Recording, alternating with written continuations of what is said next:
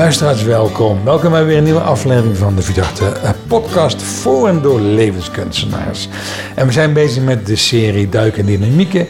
En uh, dat heeft ons gebracht naar Haarlem. En daar heb ik ook wel wat um, jeugdherinneringen aan. Mijn moeder komt ook uit deze regio. Dus mij is het leuk om weer uh, Haarlem binnen te rijden. Maar nu, zijn we bij jou, Stephanie. Bij uh, Stephanie Bussing in Flow Plaza. Een prachtig Fijn dat we hier bij jou mogen zijn. Yvonne, je bent er ook bij. Ik ben er ook bij. En we gaan in, in gesprek met Stephanie. Ja, Stephanie ken ik van de cursus. Ik heb bij haar opleiding gevolgd. Mm -hmm. waarbij ik echt geleerd heb nog meer in het lijf, in mijn lijf te zakken. Steven is daar heel streng in. Hebben we vandaag nog niks van gemerkt, maar als, het. Als, als, als je begint te praten, dan zegt ze: En, en wat voel je? Oh, ja. Bijna meteen. Oh, dus ja. heb ik wel echt goed van haar uh, geleerd om goed te voelen in mijn lijf. Want dat heeft me ontzettend veel gebracht en dat heeft me ook uh, ertoe geleid om haar nu uit te nodigen. Ja, daarom zijn we hier. Ja. Duiken in dynamieken Klopt. en hoe werken onze collega's met de onderstroom. En uh, Stephanie, zou jij jezelf eens willen voorstellen voor onze luisteraars? Nee, ik vind het wel grappig dat je uh, zegt van hè, streng op het lijf. Ja. Uh, je, doet altijd, je maakt altijd de reis die je, of je doet in de wereld wat je zelf ook te leren hebt, zeg ik altijd maar. Hmm. Uh, dus de vraag, en hoe is het dan in mijn lijf? dat is ook de vraag die ik mezelf regelmatig stel. Hmm.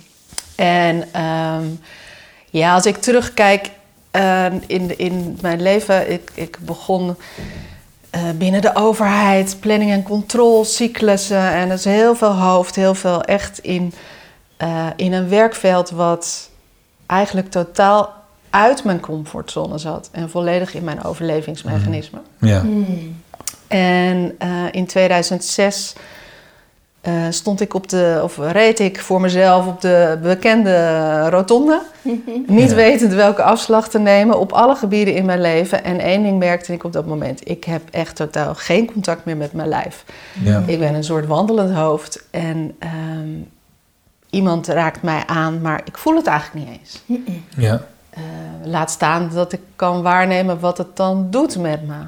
Dus dat was voor mij het begin uh, voor de wens van, nou, ik wil weer voelen. Ik ben toen van alles gaan doen.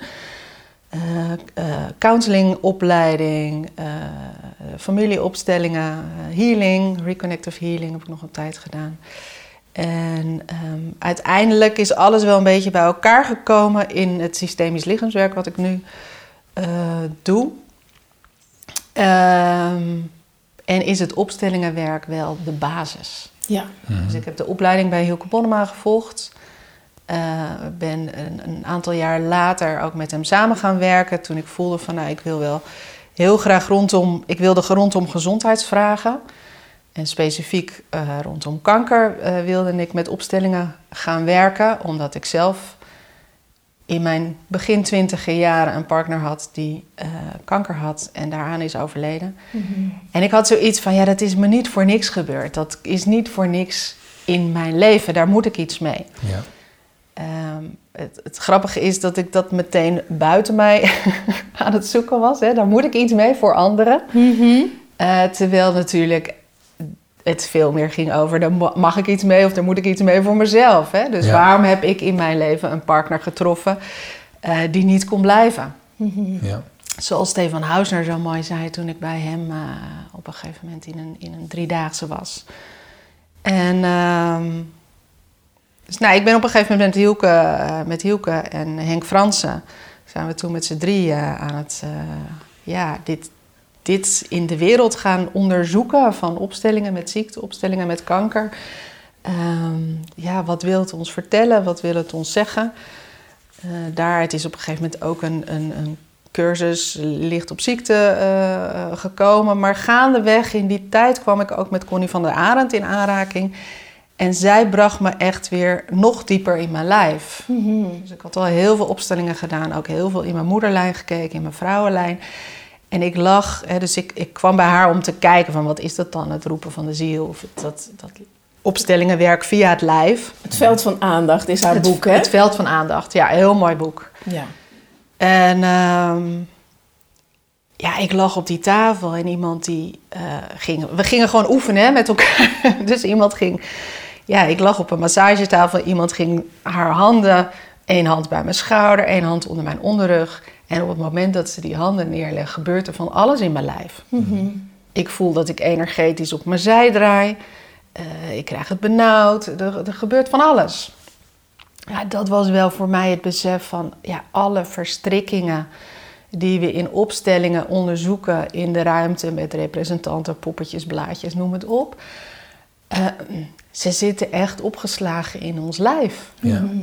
En ehm, ja, dat in combinatie met de reis die ik toen met eh, Henk Fransen en Hielke Bonnema aan het maken was in die samenwerking. Waarin we ook echt zo van, ja, wat is nou de beweging van de ziel, hè, waar Hielke heel erg van is. En ja, Henk Frans dat natuurlijk toch meer van op het, op het lijf Medische en het, ook op het medische vlak. Hij, hij, hij is toch van origine een arts, dus dat neem je ook mee. Ehm, en op dat moment kwam ik dus in aanraking met dat systemisch werk via het lijf. Toen dacht ik van ja, dat is wel een mooie mix eigenlijk waarin die beide stromen samenkomen. Ja. Waarin je iemand kan volgen in zijn lijf, in de taal van het lijf, van, van ook tot waar die kan. Ja. En je kan in het, in het veld kan je heel diep kijken en kan je heel diep die ziel volgen, of die zielsbeweging volgen. Terwijl iemand het in zijn of haar lijf eigenlijk niet meer kan Volgen. pakken of Ja. volgen. En je noemt het systemisch lichaamswerk. Ja, ik noemde het eerst systemisch zielswerk in het lichaam. En toen zei Hielke van, nou, dat is... het is sowieso al ziels... Hè? We werken altijd op de laag van de ziel als we met opstellingen werken. Dus Dubbel. dat is overbodig. Noem het nou... Dus ik heb de, de credits voor de naam gaan naar, eh, naar Hielke. Hij zei, noem het nou systemisch lichaamswerk. Ah ja. En voor mij is dat enerzijds eh, opstellingen, eh, ook wel gewoon in de ruimte met. Ja. eh, waarin we ook bijvoorbeeld delen van het lijf kunnen opstellen. Mhm. Dus ik, ik doe ook wel eens dat ik zeg van oké, laten we eens je, je buikbrein, je hartbrein en je, en je hoofdbrein opstellen. En, Ja. en kijken wat dat en wat dat wil vertellen. Waar zit nog, welke van de drie is eigenlijk afwezig en waar resoneert dat dan in het systeem mee? Ja. Ehm, en de kern is voor mij wel het, het echt via het lijf opstellen. Dus dan, ja. wat ik net al zeg, dan lig je op een massagetafel en met behulp van aanraking ga je eigenlijk de, de, ja, de sensaties van het lijf volgen. En dan gaan we zo, als dat aanleiding toe is, het systeem in en dan gaan we dieper kijken. Waar, waar resoneert nou die spanning mee? Of die ademnood? Of die steen? En, en dan haal je eerst informatie uit het lichaam. En dan ga je dat opstellen. Of, of, of hoe moet ik Nee, dus, dat dus je je stelt je voor, jij ligt hier op die, eh, op die massagetafel Ja. waar we nu aan zitten. Klopt. En op, je, op je rug, gewoon met je kleding aan. En, Ja. en ik, ik zit bij en ik, ra- en ik leg mijn handen. Ja. Eerst aan de linkerkant, aan de rechterkant. Dan voelen mensen al heel vaak een verschil. Ja. Dat er rechts en links iets anders doet in de aanraking. Ja. Ja, je En gaat dan- echt eerst aan de ene kant zitten van iemand en dan ga je aan de andere kant Ja. zitten van iemand en de persoon mag kiezen. Aan welke kant voel, voel je je meer, mag je meer, Nou ja, ik laat wil ze je me hebben? Ik laat ze meestal niet kiezen. Niet kiezen. Nee. Ik laat ze meestal niet kiezen. Vandaar streng, want die vond het streng. Ja, niet kiezen. Ik dacht al, waar blijft dat strenge? Maar dat- blijft het strenge? Nou, hier is het. Nee, ik laat mensen eigenlijk komt niet kiezen, boven. maar ik, ik overleg wel met mensen. Dus dan Ja. bijvoorbeeld links eh, voelt het vertrouwder of voelt het veiliger. Ah, ja. Rechts heeft iemand zoiets van, oh ja, nu voel ik echt de spanning in mijn lijf. Mhm. Op het moment dat, ik, dat we samen voelen van, nou die spanning, die is spannend, maar niet te spannend. Ja. Dan blijf ik eigenlijk aan die kant zitten. Ja. Ja. En als ik denk van, nou, als ik hier blijf zitten, dan vlieg je eruit. Dan, dan, dan Ja. eh, ga je eigenlijk uit contact met je lijf. Mhm. Dan ga ik aan de veilige kant zitten. Ja. Ja. Ja. Ja. Dus Je zoekt de spanning op. Ik zoek de spanning op, maar niet de stress. Ja. Daar Ja. waar het stress wordt en De mensen rek. in de overleving, dan... Ja, dus de, de stretch is goed, maar de, de stress, Ja. daar probeer ik... eh, Uit te dus- blijven. Ja, dus dat... beetje de homeopathie toepassen. Hè? Dus dan weer wat meer ondersteuning brengen. Ja. En eh, zodat het weer zodat iemand weer kan blijven, eigenlijk in zijn lijf. Ja, want dat weggaan, dat kent hij al. Ja. Dat hoef je hem niet te leren. Ja. ja. Ja. En jij zei, Peter, van wat, Ja. wat, wat doe je dan? Hè? Wat, wat, wat ga je dan... Dus dan... We gaan de tafel op met een verlangen of met een vraag of een, Mhm. een, een intentie. Ja. En vervolgens kijken we wat het lijf, eh, waar het lijf reageert. Ja. Dus stel iemand zegt van nou, het voelt echt als een steen op mijn maag. En dan ga ik op een gegeven moment ga ik. Kijk, ouders hebben we altijd, dus die. Dus ook als het alleen over onszelf gaat, en dan heeft het eigenlijk 9 van de 10 keer ook een resonantie met onze ouders of in de dynamiek met onze ouders. Dus Ja. die vraag ik er sowieso vaak bij, Ja. of één van beide. En als ik dan het idee heb dat het ouder is, dan ga ik verder terug. En het gaat eigenlijk hetzelfde als in een gewone opstelling. Ja. Dus ik ga ook gewoon eh, je moeder erbij vragen of je vader erbij vragen. Ehm, alleen, ik vraag daar dan niet een representant voor in het veld. Of ik leg er een blaadje neer of een poppetje of wat dan ook. Ja. Ik vraag direct aan degene die op de tafel ligt, aan mijn klant, van... Goh, ik vraag je moeder erbij en kijk eens op het moment dat jouw moeder in het veld erbij komt... wat er dan gebeurt in jouw lijf, hier Ga en ik, nu. ga ik inademen. Ja, ja er gebeurt meteen iets. Ik, ik doe meteen mee als Ja, je dit, ja. dit zegt. Hè. Ja, Ja, dus, dus als ik mezelf voorstel dat ik hier, hier lig in plaats van hier zit. En jij zegt, vraagt om mijn moeder in het veld te plaatsen. Dan staat ze een beetje aan deze kant van mij. Zo, en dan daar. ja. Dan ga ik inademen. Dan ga je inademen. En zuchten. Blijkbaar. Ja. ja, Ja. dus dat valt op. Dus dat nemen we dan weer mee. Ja. Hè? Dus die beweging nemen we dan weer mee en dan gaan we zo verder. En als we. Als, hè, dus even het voorbeeld van die steen op die maag en we vragen moeder erbij en die steen die wordt nog zwaarder. Ja. Dan gaan we kijken van hè, wat voor gevoelens zijn er misschien bij je moeder die in haar leven niet gevoeld zijn, niet afgemaakt Mhm. zijn. En ehm, kijk eens wat er gebeurt als we die gevoelens erbij vragen en helemaal hun plek laten hebben bij jouw moeder. Dat die daar helemaal mogen zijn. Wat doet dat dan? Mhm. Ga je nog meer zuchten? Ja, doe het dan. hè. Knikken. en ehm, en als, we dan, als ik dan, als iemand dan zegt van, oh ja, dan wordt het wat meer ontspannen, dan, eh, nou, dan gaan we misschien een andere kant op. Maar als iemand zegt van, oh, dan wordt het nog meer, wordt die steen eigenlijk nog harder. Dan lijkt het erop alsof dit niet het beginpunt is, alsof er meer nodig is, alsof het verder teruggaat. Ja, ja. En dan gaan we eigenlijk zo in het systeem eh, ja, puzzeltje leggen, zeg ik altijd maar. Net als in een gewone opstelling, puzzeltje Ja. leggen van... waar gaat het dan naartoe en waar zit dan de oorsprong Ja, van die sensatie, die spanning die je nu, hier en nu in je lijf Mhm. voelt als een soort impact van iets wat langer geleden niet is afgemaakt, Ja. niet is, geen plek heeft gehad. het is mooi wat je zegt, want dat, dat, dat is ook wat ik ervaren heb bij Hellinger, dat hij auf Deutsch sagt, mal sehen was passiert. Dus even kijken, als we dit doen, kijk, oh oh, nee, dat moeten we niet doen, kom, kom maar terug. Zo, dat, Ja. dat, dat, dat je iets, iets inbrengt en, en je vergelijkt het met homeopathie. Ik ben zelfs vaker bij homeopaten geweest, die dan gaan kijken, oké, als we dit erbij doen, oh nee, dat verzwakt, oh, dit, dit, dit is wel goed. Dat, dat, dus, dus dat je zoekt van, hoe ga ik de energie weer in balans brengen bij die persoon. Ja, ja en, en, en soms komen er dingen in mij op. Hè. Ehm, ik doe natuurlijk zelf, we maken echt samen die reis. En soms komen er dan dingen in mij op. En ik heb altijd de regel van, nou, als het nou op blijft komen, dan is het niet mijn hoofd. Dus dan, dan heb ik daar iets mee te doen. En dan... eh, maar dat, dat, dan zeg ik ook van, nou laten we even, ik wil even iets checken of ik wil even, laten we Ja. even iets uitproberen. Ja. Dus het mag ook. Je mag ook gewoon iets uitproberen. Natuurlijk, En samen Kijken het? wat voor dingen komen er geregeld eh, in je op? Daar moeten we dan aan denken. Ja, de kerk is altijd een geliefd onderwerp, hè? Mhm. Hè, dus, dus soms. eh, maar ook bijvoorbeeld, eh, om, om weer even terug te gaan naar die, die, die steen in die buik, dat ik op een gegeven moment dan bijvoorbeeld kan voelen van. Of het idee steeds in mij terugkomt van... Goh, is er soms een kind geweest wat daar geen plek heeft gehad? Of wat Mhm. niet heeft kunnen leven? Of wat er niet heeft mogen zijn of kunnen zijn? Verstoten is of wat dan ook. En ik probeer dan eigenlijk wel... Dus dan vraag ik aan mensen van... Kijk eens of het resoneert bij je.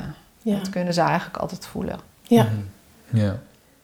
En als het niet resoneert, dan laten we het gaan.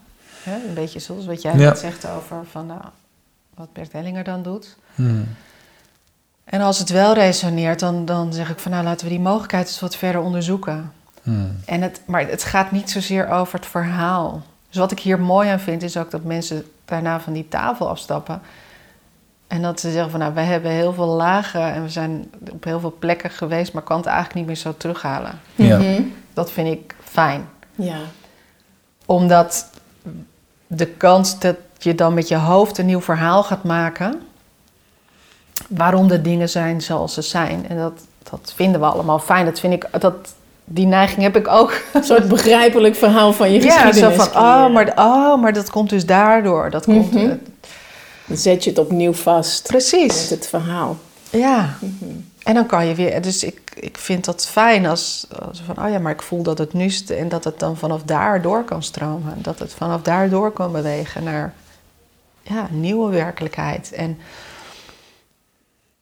Ja, ik weet niet meer of het Bert Hellinger was... Of, of iemand anders die dat op een gegeven moment... Of dat het Stefan Hausner was. Maar die- dat hij op een gegeven moment zei van... Ja, een opstelling is niet de waarheid die je neerlegt Mhm. Of die je neerzet. Het is een waarheid die je helpt om een volgende beweging te maken.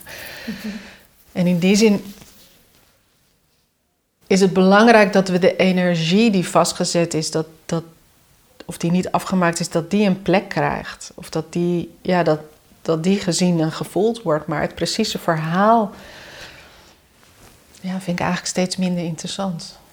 Ja, van wat is er precies gebeurd? Ja. Mhm. Terwijl dat wel een hele interessante vraag kan zijn. Ja. altijd. Van wat is dan gebeurd in het leven van je vader of in het leven van je opa? Dat daar dan de angel juist kan schuilgaan. Ja, en heb je dan het verhaal helemaal nodig om die angel Ja. eruit te halen? Ja, jij niet. ik stel die vraag wel veel. Ja, ja. Nou ja, ik kan me wel en voorstellen. soms is het wel voor het hoofd is het wel fijn, weet je, Ja. want dan kan je het ook wel begrijpen. Maar afhankelijk van wie bij je komt. Er zijn toch ook mensen die houvast hebben aan... Oké, dus het is niet mijn schuld. Of het komt door iets anders. Oh, dat geeft me alweer ontspanning. Want Dat geeft me alweer rust. Maar, de- maar natuurlijk zijn heel veel mensen geladen met controle in hun leven. En dat lijf laat zich niet controleren. Dus die eh, vindt toch zijn weg. Ja, En dan is het mooi dat je de waarheid van het lijf gebruikt als, als, eh, als instrument waar je mee, mee werkt.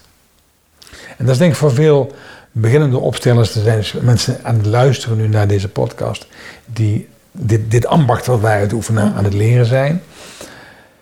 En wat zou je willen meegeven aan beginnende beroepsbeoefenaars in het veld van systemisch eh, handelen?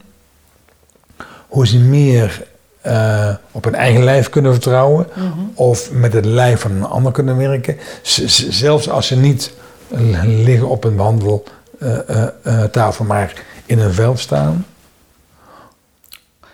Nou ja, het eerste wat in me opkomt is, is precies wat jij net zegt, van het is een ambacht. En een ambacht leer je door het heel veel te doen. En daar word je steeds beter in. Dan ga je steeds meer. Ik leer iedere dag, leer ik nog bij. En Ja. En iedere eh, verdieping die ik in mijn eigen proces ga, zie ik terug bij de klanten Ja. en de begeleiding die ik van mijn klanten doe. Ja. Dus ehm, ja, het, het gaat over gaan. Hè? Dat is echt een van de dingen die ik wel van Hielke heb geleerd. Gewoon een trap onder je billen en, eh, Gaan doen. Ja. en ga het maar doen. De wei instappen. De wei instappen en, eh, en, en ook durven falen daarin. Ja.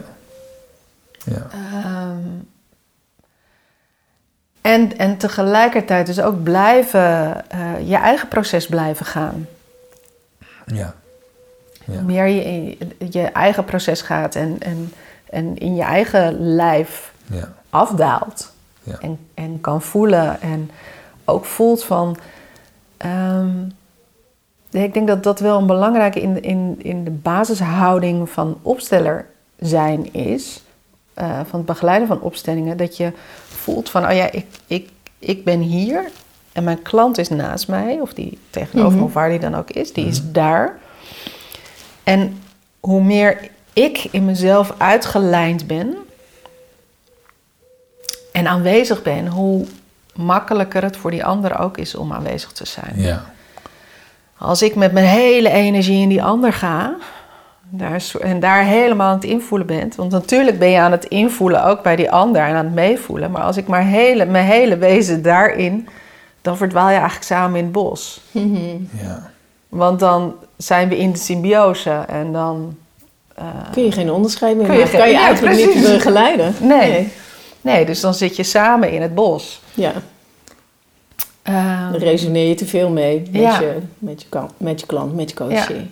Ja. Dus het is enerzijds jezelf, die, die uitleiding in jezelf, dat steeds meer oefenen en, en vervolgens. eh, zo van, en vervolgens ook je lijf serieus nemen in wat je waarneemt in het Ja. contact met de ander. Ja. Hoe, hoe breng jij dat bijvoorbeeld in? Wat er gebeurt in je lijf? Waar een ander iets aan zou kunnen hebben?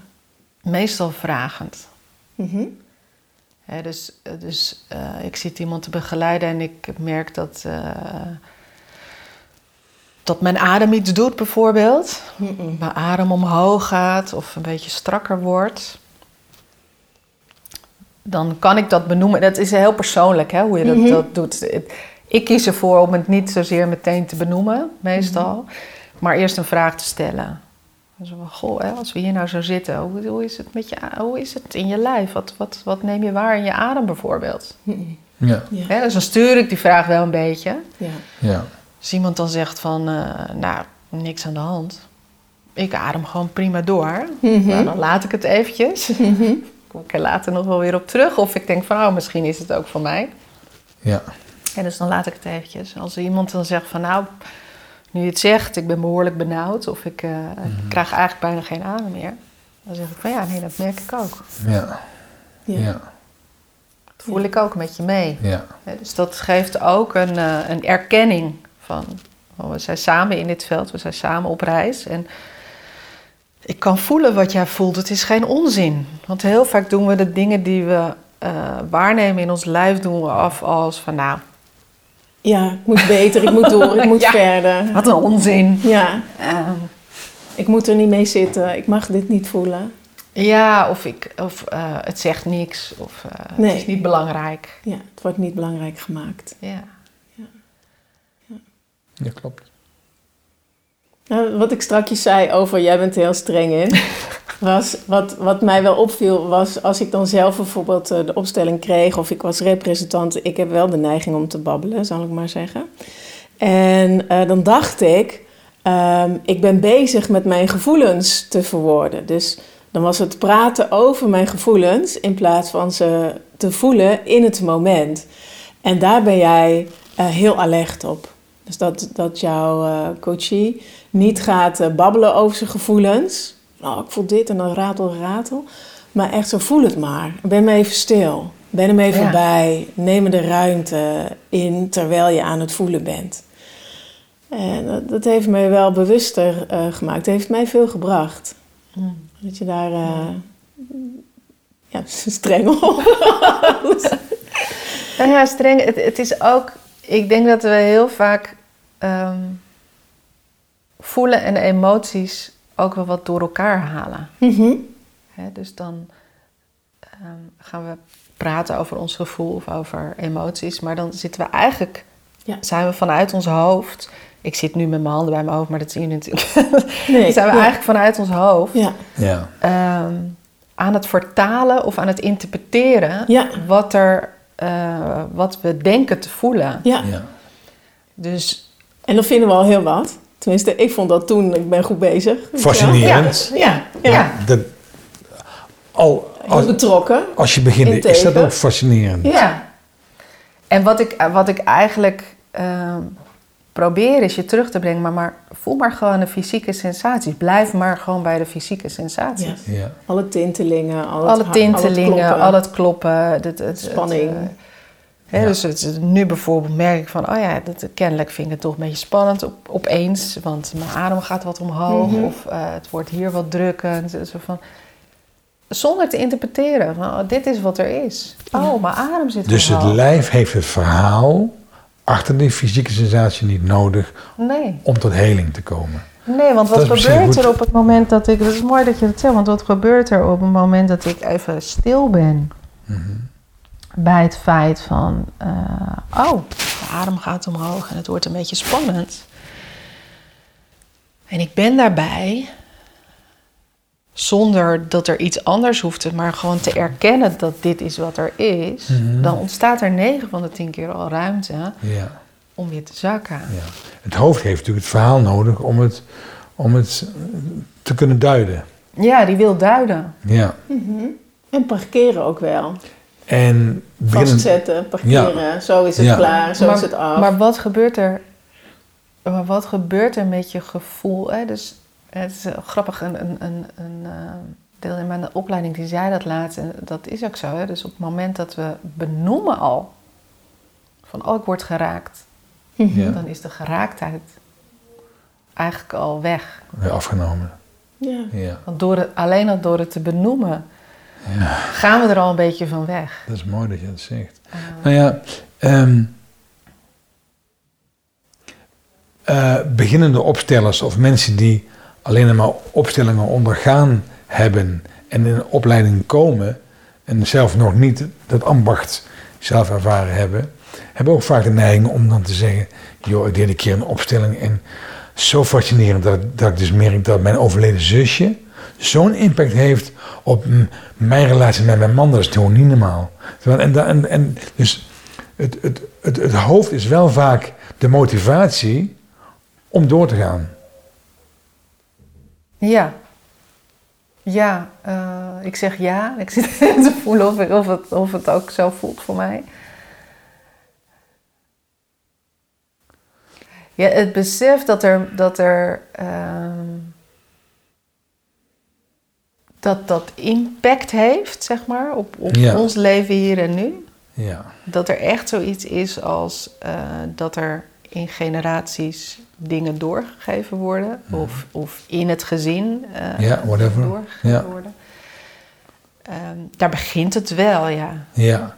Nou, ik, ik bedenk mij dat de onderwijzer, de verpleegkundige, de ambtenaar, de, de verkoper gebruikt dus elke dag zijn hoofd om bezig te zijn met zijn werk. Mhm. in Nederland. en ehm, die komt dan bij jou en leert dat het lijf zijn eigen waarheid kent. En dat hoofd gaat zo automatisch meedoen. Dus dat hoofd is wel in, in, in het begin denk ik belangrijk voor mensen, maar dat is mijn perceptie hoor. Misschien dat, dat je dat totaal anders beleeft. eh, om enthousiast te raken om ermee door te gaan. Van wauw, wat ik nou meegemaakt heb. Een opstelling, zo fascinerend. Dat is iets wat daar gebeurde, dit bij mij gedaan heeft. Dat heb ik helemaal niet, niet zien aankomen. joh. Wauw, waanzinnig. Dat, wat, wat er gebeurd is. Ik, weet- ik weet dat Yvonne een keer een opstelling deed met een, een, ga ik het heel neutraal zeggen, een relatie van ons. Die daarna besloten heeft om, om zijn relatie te, te verbreken. En die zei, ja, ik had na die opstelling van Yvonne pas de kracht om het echt te gaan doen. Niet normaal wat, wat dat gedaan heeft. En dan zie je dus dat iemand in staat is om, om dat te snappen. En, al, en dan zeg jij, als je daar dan in doorgaat, dan hoeft het hoofd niet eens meer mee te doen. Ehm, ja, het hoofd doet wel mee. Ik nodig alleen mensen soms uit om het nog even te laten. Om het hoofd toestemming te geven. Om het niet meteen te hoeven snappen. Te weten, te voelen van, oh ja, er is daar iets Ja. geweest. Oh ja, en dat het een- heeft impact op mij gehad. Dat is een mooie nuance. En ehm, ik, en mensen zeggen regelmatig van ik ben in de war. Of ik, ik, Ja, ja, Na de ja, opstelling bedoel Ja. je? Ja, Ja, als, ik, als ik ook naar mezelf kijk, ehm, ja. opstellingen die het meeste impact op mij hebben gehad. Mm. ehm, en dan, dan komt er eentje specifiek omhoog in de vervolgopleiding die ik bij Hilke deed. Dat was een opstelling waar ik echt helemaal niks van begreep. Ja. En ook nog wel mijn vraagtekens bij had of dit nou wel de waarheid was. Hè? Waarbij ik net al zei van we stellen niet de waarheid op, maar een waarheid. Maar feit was wel dat ik... Ik heb jarenlang last gehad van eh, hoofdpijnen die echt twee, drie dagen duurden. En er is een periode geweest, zo voor 2006, dat ik dat echt gewoon bijna wekelijks had. Dus dan Mhm. was het net weg en dan kwam het weer. Ja. Eh, was altijd aan dezelfde kant, dezelfde eh, lijn in mijn, in mijn lijf. En als hij aan de andere kant zat, wist ik ook van... oh, dit is gewoon vermoeidheid of dit is iets anders. Maar als die daar was, dan wist ik gewoon... oh, dit duurt twee, drie dagen. En dan Mhm. hielp ook helemaal niks tegen. En ehm, die hoofdpijn had ik op het moment dat ik die opstelling eh, kreeg in die vervolgopleiding. En ik snapte helemaal niks van die opstelling. Maar mijn hoofdpijn verdween tijdens die opstelling. En dat had je nog nooit meegemaakt, dat het verdween binnen drie dagen. Nou ja, het, het, het, zat zeg maar op zijn hoogtepunt. En ik voel gewoon tijdens die opstelling voel ik die spanning wegzakken. En na die opstelling denk ik van, verrek, mijn hoofdpijn is weg. Terwijl ik net nog echt helemaal scheel keek ervan. En wat ging ik doen? Iets wat ik altijd tegen mijn klanten zeg dat ze dat niet moeten doen. Maar you practice what you have to learn, hè. Ehm, ik wilde het snappen. Dus wat deed ik? Ik ging op mijn kamertje, s'avonds, het helemaal terug zitten schrijven. Hoe die opstelling en hoe ik het nog in mijn hoofd had, wat we allemaal hadden gedaan. En terwijl ik het helemaal Ah. terug je hoofdpijn schrijven, terug. voel ik de spanning en die hoofdpijn gewoon weer opkomen in mijn lijf. Toen dacht ik, oh wacht, dit is wat ik altijd aan iedereen vertel, dat je niet moet doen. Ehm, maar goed, dat vertelde ik ook altijd gewoon aan mensen dat ze dat niet moesten doen, omdat ik dat zo had geleerd van Hielke. Dat hij zei, ja nee, want dan draai je de opstelling terug en dan draai je de beweging terug. Dus Ja. dat was, ik, had ik geleerd, dat dat, met mijn hoofd had ik dat geleerd, dat dat zo werkte. Ja. Dus dat vertelde ik ook altijd aan mensen. Eh, maar nu ervoer ik het aan de lijve dat het ook daadwerkelijk zo werkte. Dat je dat deed, ja. Dus ik stopte met schrijven. Ja. Ging terug naar het eindgevoel van die opstelling en het eindbeeld van die opstelling. Ik voelde het weer wegzakken. Ging vervolgens nou, nog wel wat opschrijven, maar meer vanuit dat moment. En hoe ik me op dat moment voelde Ja. en wat het me deed. En, en Ja. de vragen die ik daar misschien bij had. Ik weet niet Ja. meer precies. En die hoofdaanvallen heb ik niet of nauwelijks meer gehad. En Bijzonder. Ja. snap ik er iets van? Nee. Ja. Ik weet dat er ergens in het systeem iets is geweest. In, in de lijn met mijn vader, maar ook met mijn moeder. Het, het- Nou, goed. Ehm, Zou, zou je iets kunnen uitleggen over als je dus niet zo werkt met de vraag van goh, wat is er dan gebeurd? En je gaat dus niet echt naar, eh daarnaar kijken waardoor je daar misschien ook iemand voor zou... Hè, wat is er gebeurd? Eh, de oorlog is gebeurd. Dat, dan zou je iemand in, in de opstelling kunnen zetten voor de oorlog of voor de doden of de, de religie. Wat is er gebeurd? Iets in die trant. Of voor iemand die daarbij hoorde. Ehm, als je dat dus niet vraagt. oh, maar dat vraag ik ook wel eens hoor. En Stel dat je het ni- niet vraagt. Ja? Hè, want dan- Ja, fijn dat je het ook vraagt. Dat wil, dat wil je gewoon niet horen, dit. Wat, wat, hoe weet je dan wat je dan vervolgens gaat opstellen? Nou ja, wat ik dus steeds vaker merk is dat ik dus, dus naast, want dit zijn ook best nog wel algemene eh, dingen, hè, de kerk of de, of de religie, of Ja. de oorlog, eh, of de doden, de slachtoffers, de daders. Ja.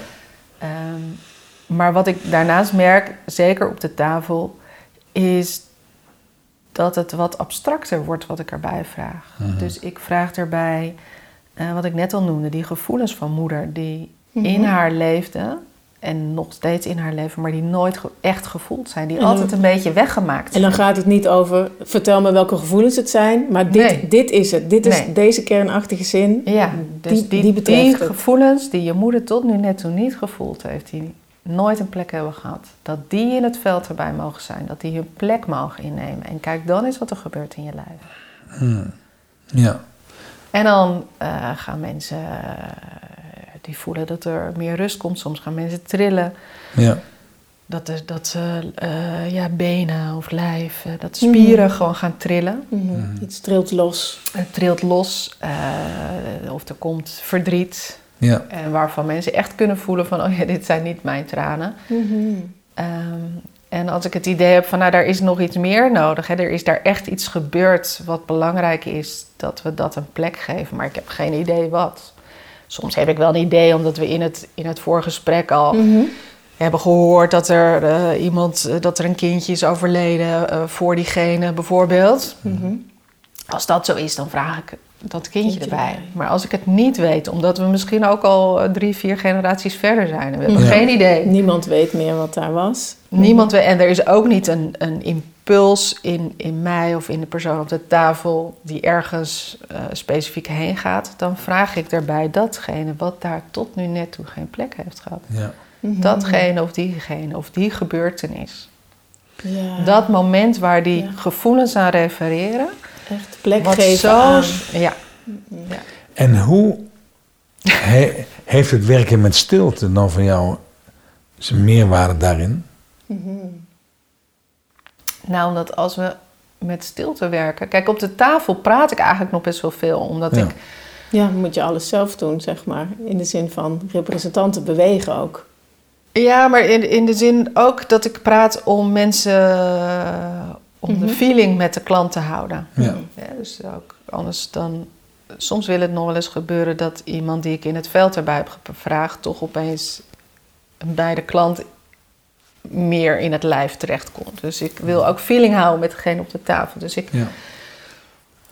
dus daar praat ik eigenlijk nog best wel eh, veel. Maar in de grote opstellingen in de ruimte of in kleine opstellingjes, hè, waarin Mhm. je in groepjes. eh, ehm, Ja, wat we in de opleiding Wat- veel ja. doen met z'n drieën. ja, met of z'n drieën of met z'n vieren, waarin Ja. je eh, bepaalde dingen erbij vraagt.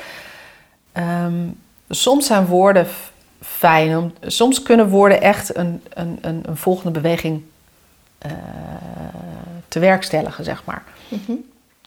Ehm, en soms ehm, is het juist ook fijn, of vaak vind ik het ook fijn, om het eerst gewoon in stilte te laten ontvouwen. Omdat het je meer je aandacht bij je lijf en de beweging van binnen brengt. En Mhm. ehm, woorden soms ook toch meer interpreteren. Mhm. En, en ook als je representant bent en gaat praten, dan je neemt toch ook je eigen interpretatie, je neemt je eigen persoonlijkheid en je eigen systeem en zo, neem je mee. Emoties, alles. En je staat nooit voor niks op die plek, dus meestal Ja. klopt het ook wel. Maar het blijft wat. ehm, ja, ik hou niet van woorden als zuiverder of zo, maar het, het, het, het, het, het blijft wat meer dat je echt Direct, stilte eh, bij- je lijf kan blijven voelen van, oh ja, maar dit is wat ik in mijn lijf voel, of dit is wat er in me gebeurt. Hele directe route hoor ik jou dan Ja. zeggen. Ja, Zit dan niet, de woorden zitten er niet tussen. nee, en ik merk ook dat mensen soms wel echt die woorden nodig hebben hoor. Mhm. Hè, dus het werkt ook niet voor iedereen. Dat is ook zo. Dat is met alles. Weet je? Mhm. Dus- Heb je het idee dat voor stilteopstelling eh, je ehm, eerst iets anders gedaan moet hebben voordat je daar aan toe bent? Of is het ook een goede beginstap? Ehm, Jouw idee, hè? Dus, een- ja, het ligt een beetje aan of je. hoe je in je lijf bent. ja. Hoe makkelijk misschien. Ja, ja, dus als je makkelijk contact maakt met de eh, sensaties en de bewegingen die je vanuit je lijf voelt, dan, dan maakt het niet zo heel veel uit of je al heel bekend bent met opstellingen of niet. Nee. Ja. Ja, dus dat, dat, mm, ik, ik heb op mijn website ook staan van dat mensen voor de opleiding ruime ervaring met opstellingen moeten hebben. Maar eigenlijk gaat het er meer over of ze Mhm. eh, in hun lijf makkelijk in hun lijf kunnen voelen en, en, Beweging en, kunnen intuï- creëren. en, en hun intuïtie daarin kunnen volgen. Ja.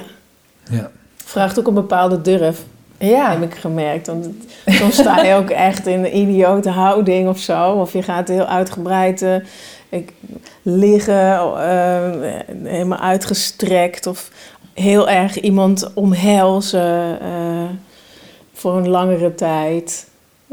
En niet dan een knuffel, maar gewoon in, in een soort ineenstrengeling, omdat dat de beweging van de ziel Mhm. is op dat moment Ja. in, de, in de opstelling. En dat zijn wel andere bewegingen, vind ik, dan ehm, de opstellingen die ik begeleid, ehm, waarbij er meer gepraat wordt. Ja, waar zitten, waar, waar, waar- hoe zijn die anders dan? Ik ken, ik, ik ken wel opstellingen waarbij, die, waarbij heel veel mag worden bewogen. En waarbij zelfs ook als iemand voor de allereerste keer komt, eh hele diepe helende beweging maakt, in huilen ook uitbarst eh, bijvoorbeeld. En dan zich opgeschoond eh, voelt, dat er echt iets geklaard is voor die persoon. Maar ik ken ook ehm, dat, het, dat het gewoon bij inzicht blijft, bijvoorbeeld. Dat niet zo diep mag gaan. En ook dat eh, representanten eh, meer zo tegenover elkaar, een stapje naar voren, een stapje naar achter, bij wijze van spreken, zie ik dan zo voor me. Maar niet meteen ook eh, hun hele lijf inbrengen. Dus het, ja, het vraagt Ja. ook moed om je hele lijf te volgen, lijkt het. Dus het was ook voor mij, hè, hier in de, in- in- bij jou in de groep komen en dan zien van, ah, zo doen jullie dat. Weet je wel, dus een beetje aftasten. Oh ja, dat kan ik wel. Weet je wel, eh, ik ben anders gewend, maar ik, ik kan dit ook. Ik vind het wel leuk. ik vind het wel heel leuk zelfs. Eh, maar ik merk aan mezelf dat, dat, dat ehm, datzelfde, zeg maar, dat ik daartoe niet uitnodig als ik mijn groepen eh, geef. Begrijp je dan wat ik Ja, omdat het toch minder in jou... Hè, dus je Dus kan het wel, Ik kan het ertoe zit- uitgenodigd worden Ja. en dan kan ik het helemaal volgen. Ja, Maar ik kan het blijkbaar niet zo goed toe uitnodigen. Zo Hmm. van, ga nou eens helemaal eh, de beweging van je ziel volgen. Of de beweging van je lijf volgen, beste representant of beste cursist. Dat maar blijkt... wat vraag jij dan van ze? Ja, dat is een goede vraag. Wat vraag ik dan van ze? Waar, waar- Want je staat in het Ja. veld en je volgt de beweging in het Ook. veld. Of werk, of werk je meer dan met ordening? Of... Ja, dat denk ik. Meer dan met mm, meer werken misschien met ordening. Met wat de dingen terug thuis brengen. Uit eh, ja. Van wat, wat hoort waar thuis? Wat draag je mee wat niet van jou is? Wat is er gebeurd dan in het leven van deze eh, mens? Die... Nou, ik, ik vind die vraag wel goed van ordening. Van wat heeft het systeem nodig om, om weer ehm, Mhm. in rust te komen, waardoor de balans weer klopt, waardoor iedereen op zijn plek staat, waardoor er weer een, een, een gezonde vorm van verbinding is, waardoor jij ook jezelf ook weer mag ontslaan van datgene wat je hebt gedragen voor anderen. Zoiets. Waarbij ik het idee heb, in een opstelling moet iets ontrafeld worden. Dus iets is vast komen zitten, bijvoorbeeld aan de coachie, wat daar niet thuis hoort. Dat hoort ergens anders thuis in het systeem, bij iemand anders. En eh, er moeten ook weer delen bij elkaar gebracht worden. Dus coachie heeft zich afgesplitst van, van delen die eh, hem gediend hebben om te overleven. En die mag hij weer dichter bij zichzelf vragen. Dat zijn in mijn beleving de eh, belangrijke pijlers om uit te zoeken. Ja. Dus enerzijds, wat hoort bij een ander thuis en wat hoort bij jou thuis, wat je bent kwijtgeraakt. Als het, Ja. dan, als het dan gaat Ja. over coaching. Ja. Wat ik mooi vind in, als je het hebt over de stilte, maakt de beweging van de ziel duidelijk. Ik werk veel met or- organisatievraagstukken. Organisaties hebben natuurlijk, een bestemming wat, wat, wat organisaties opstelling ook uniek maakt. Waar ik me nu nog weer bewuster van ben dan ik was, is dat ik gebruik het woord ziel daar niet in. En dus ehm, hoe volg je als leider ook misschien wel de ziel van de organisatie? Hoe ben je als leider daar dat aan het dienen? Dus ik gebruik wel het dienen van het grotere geheel, maar het woord ziel heb ik ehm, voor mensen gereserveerd. Ja, dat is wel mooi wat je dat zegt. Ik ben niet zo heel eh, goed met organisatieopstellingen. Dat, is- dat, ik wou zeggen, dat is te abstract voor. Hoeft ook niet. dat, dat, is, dat is niet. eh, eh, nee, dat, Ja. dat vind ik ingewikkeld op een of andere manier. Hè? Ja. Dus het, het systemisch eh, werk van het lijf en, en, Ja. en families, Ja, dat, dat, dat is jouw past, mij, het past mij makkelijker. Ja, Ehm, maar wat ik wel ehm, ook wel van Hielke heb geleerd, is, is die ziel ook een organisatie heeft een ziel. Een Of course. organisatie heeft een, heeft Ja. een startpunt. ja, En eh, dat startpunt, dat daar waar het vanuit ontstaan is, of van Ja. wie het uit ontstaan is, dat, ja, eh, ja, dat, Ja. dat kan je 20, 30, nou ja, jullie hebben het natuurlijk over familiebedrijven, dat, Ja. dat- daar zie je dat natuurlijk helemaal in. enorm. Ja, Dat het dat Ja. ja. 20, 30 jaar later of Ja. nog meer. ehm, klopt.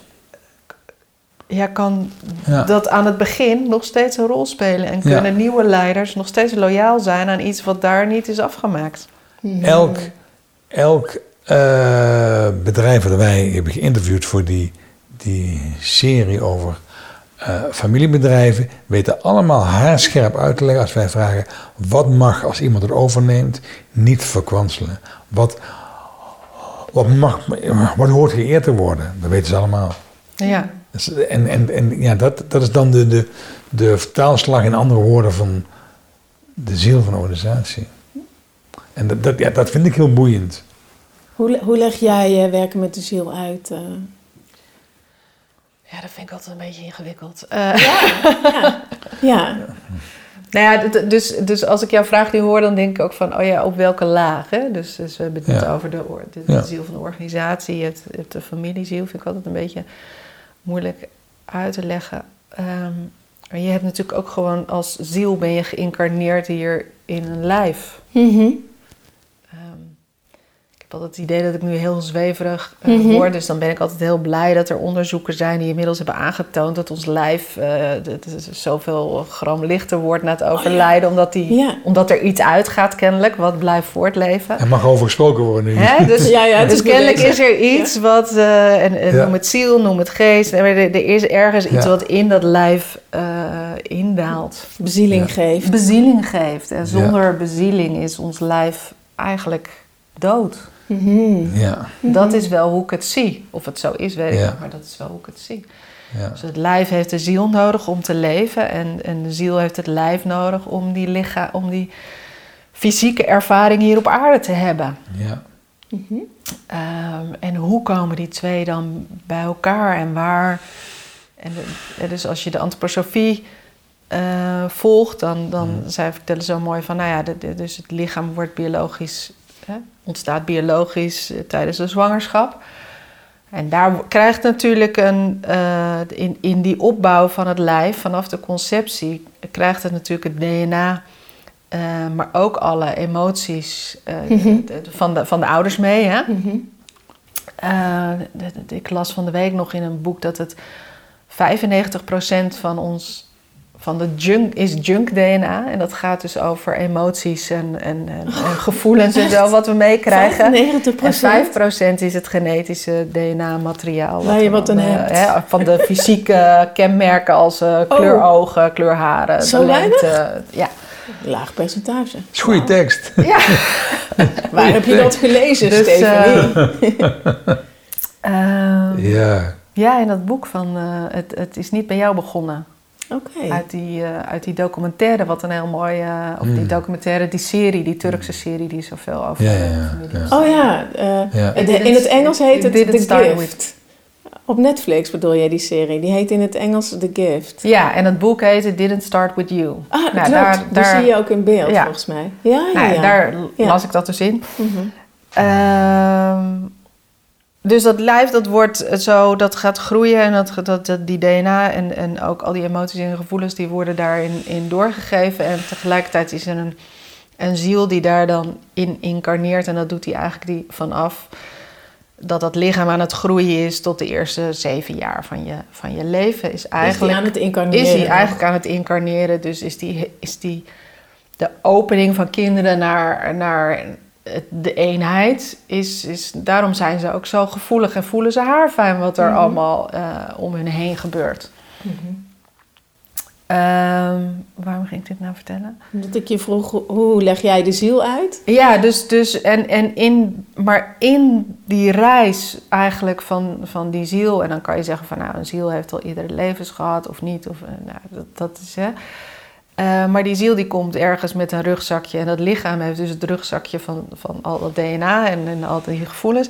En dat komt bij elkaar en dat past ook precies bij elkaar. Hè, dus ik werk niet zo met vorige levens, omdat ik echt de overtuiging heb dat daar waar de ziel misschien nog onafgemaakte dingen heeft, dat Heeft dat hij dit lijf gevonden? in dit lijf, in dit veld van relaties en familiesysteem de perfecte omgeving is om dat af te maken. Dus daar ook de, precies de goede ingrediënten voor aan biedt, zeg maar. Ja. Mooi. En situaties voor creëert. En, Ja. ehm, maar in, de, in dat hele proces vanaf de conceptie, zwangerschap, geboorte en, en de eerste ontvangst en die eerste zeven jaar van je leven, daarin eh, kan al van alles, zeg maar, eh, gebeuren. Ja. Qua, dat, Mhm. dat kunnen we trauma noemen. Heftig impactvolle in- fases of Ja, gebeurtenissen. gebeurtenissen die, eh, die maken dat je meer of minder aanwezig raakt in je lijf. Dus dat die ziel meer of minder aanwezig raakt in je lijf. Mhm. Dus ik, ja, ik heb steeds meer het idee dat eigenlijk de verstrikkingen Mhm. die wij eh, in ons dragen, dat die allemaal in die eerste periode van conceptie tot aan zeven jaar zo'n beetje. Als je ziel nog in het vlees aan het En komen je nog is. zo aan het, eh, naar buiten toe aan het, aan het voelen bent en, en, en daar dingen dan bij je draagt, eh, bij je neemt. Dat dat eigenlijk, en dat alles wat daarna gebeurt een soort herhaling Oh ja. van die eerste verstrikking is eigenlijk. Precies het verhaal ook van Wolinski. Die zegt het zij- in feite exact hetzelfde. Ja, en zover ben ik nog niet in zijn boek, maar Oké. Ja. ja, ja. Precies zo. Ja. Ja, dus echt die. De, de- en, en, en ik ben nu zelf mm, echt op dat, dat beginstuk, echt de, de, de zwangerschap, geboorte, dat daar is al zoveel. Ja. En daar hebben we geen woorden. Dus als je het hebt over stilte, daar hebben we nog geen woorden. Want daar, dat is voordat we woorden hadden. Dus heel veel van. Mhm. Waar, als we echt naar het begin gaan van die verstrikkingen, waar, waar we dat hebben opgelopen of bij ons zijn gaan dragen in ons lijf en daarmee dus iets van onszelf eigenlijk hebben weggedaan, ja. of teruggetrokken, ehm, is, is voor een groot deel nog voordat er woorden zijn. Ja. Dus als ik mensen op de tafel heb eh, liggen, dan.